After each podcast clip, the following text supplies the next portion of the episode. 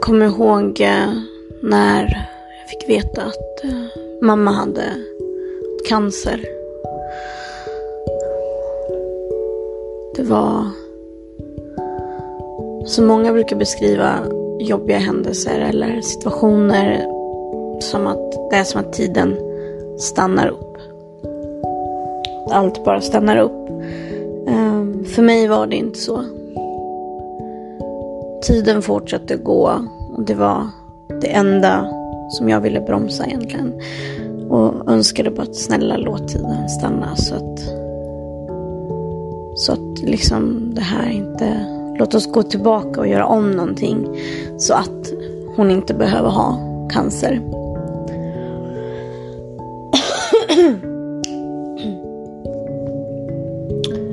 Men eh, så var det ju inte. Eller så blev det inte. Hon, hon fortsatte ha cancer och eh, de sa att det var i tarmen. Så jag kallar det för tarmcancer och hon fick opereras. Det gick sakta.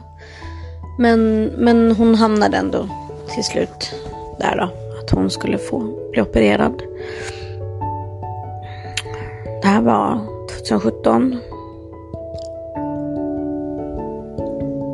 Jag eh, minns hennes livs... Alltså den här viljestyrkan av att vilja leva. Alltså man såg verkligen på henne att det här var lugnt. Det här kommer hon att klara av. Liksom. Men jag kommer ändå ihåg att man var fortfarande nervös, man var, man var rädd. Man, man liksom...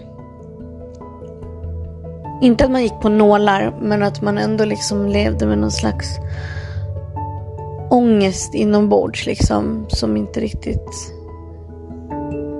utlöstes eller vad man ska säga. Utan den, den fanns bara där inne. Men i och med att hon var så positiv och hade en sån över, överlevar ja, anda eller vad man kallar det för. Så, så blev det inte att jag reflekterade så mycket över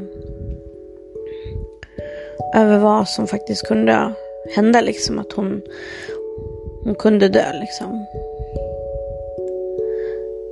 Men eh, så hon fick opereras. Allting gick bra. Fick enormt bra stöd ifrån vänner uppe på fastlandet. Där hon blev opererad och eh, hon kom hem. Det var ju en omställning när hon kom hem för hon fick ju en eh, stomipåse då, då. Och det var ju liksom för henne en enorm omställning att, att nu behövde hon tänka på det här hålla rent och byta och men hon klarade det också liksom. Hon var ju, hon var ju bara glad för att hon har fått överleva. För att hon, hon, skulle, få, hon skulle få leva vidare liksom. Se mm, sitt eh, barnbarn växa upp. Uppleva grejer med sin man.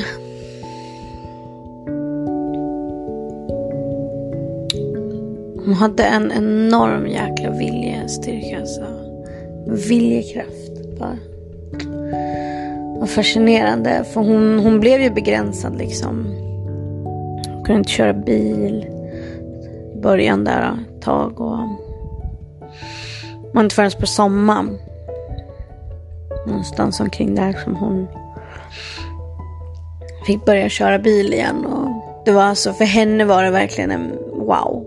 Det var så härligt för henne att Åh, nu kan jag åka och handla och åh, nu kan jag göra det här bara för att Just då hade inte jag körkort så det fick ju vara andra som, som fick handla liksom och sådär. Men hon cyklade tror jag. Gjorde. Om inte det var lite svårt. Jag kommer inte riktigt, alltså, jag kommer inte riktigt ihåg. Men hon var ute i trädgården. Hon, så hon, hon kom tillbaka. Det var det som var så häftigt att se. att man, man fick se hennes liksom insjuknande men också sin, hennes återhämtning. Att hon, hon kom verkligen tillbaka till livet igen. Hon, hon hade den här glädjen i sig. Och de reste iväg på sommaren och firade midsommar i skärgården med sina vänner. Och Alltså allting gick tillbaka till som det hade varit förut liksom. Att... Eh, nej men det var som att hon, inte som att hon inte hade varit sjuk. För att... För det hade hon varit. Och vi visste inte heller riktigt ännu då om, om det var så att hon, hon hade blivit av med cancern. Men hon gick ju på koller och hon sa att allting såg bra ut och... Ja. Det var liksom, det var som att, att ja, men hon överlevde.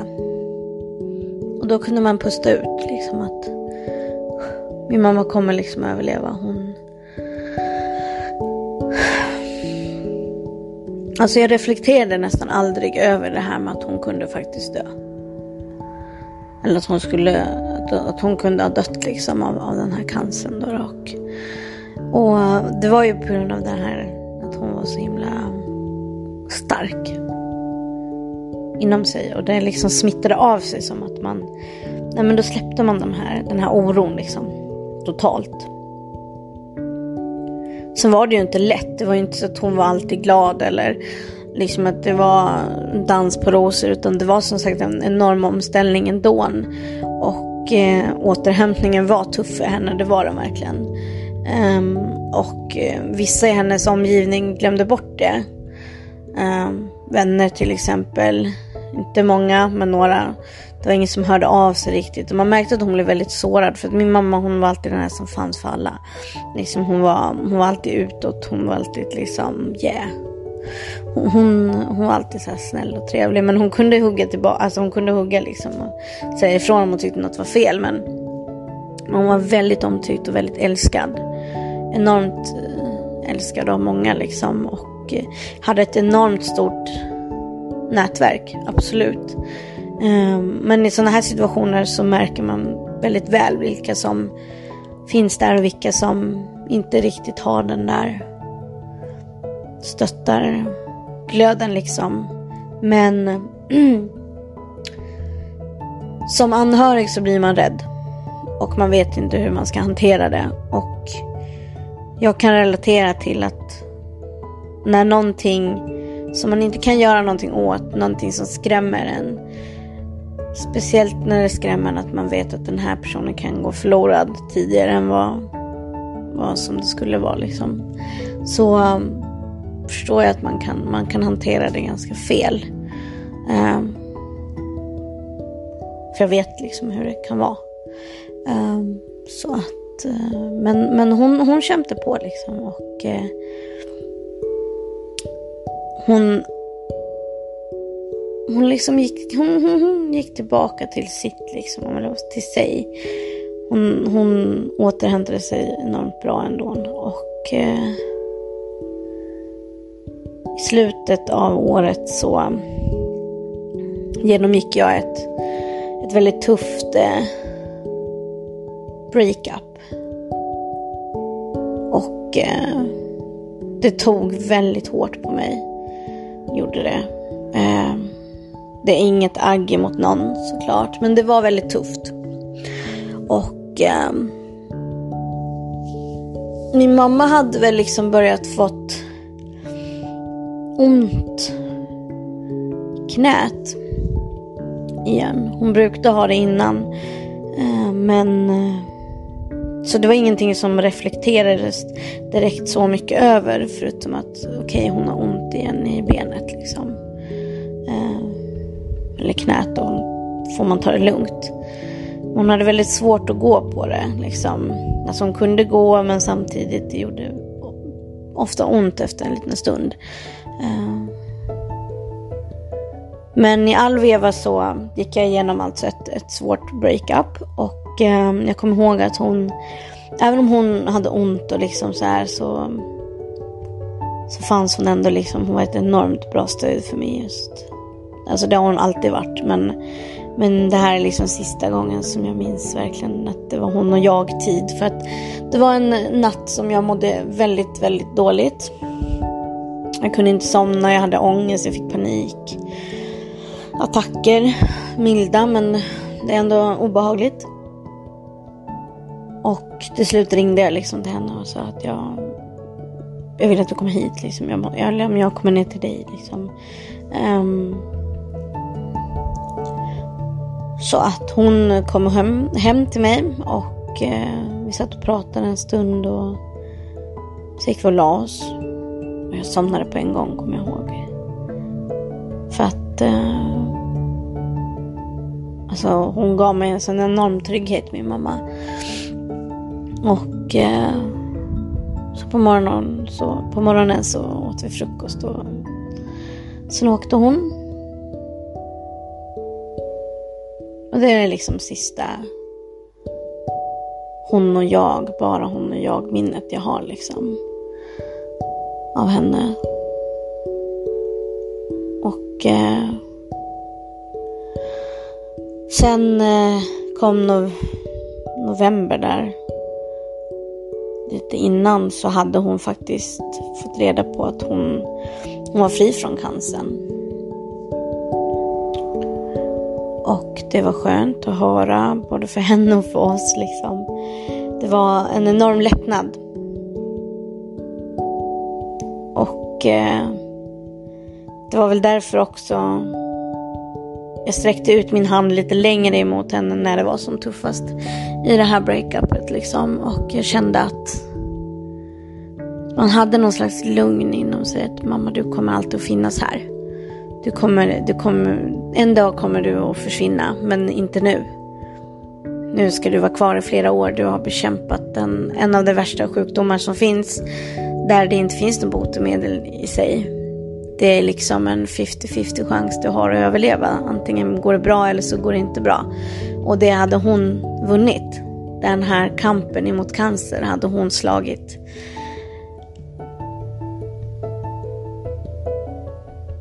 Och sen eh, kom, eh, kom julen och nyår där. Och eh, jag firade inte med henne och min far. Utan jag firade med mitt ex. Och det ångrar jag inte. Absolut inte. Det betydde enormt mycket för mig att vi kunde fira ihop. Um, sen i mitten, början eller mitten av februari så vände allting. Det var liksom som en blixt som slog ner, rakt ner i mig kändes det som allt som hade varit så fantastiskt bra med mamma och allting och jag hade börjat återhämta mig till en viss grad liksom. Och sen bara kommer den här katastrofen liksom och för första gången i mitt liv så kunde jag erkänna att jag har nog aldrig varit så rädd som just den dagen.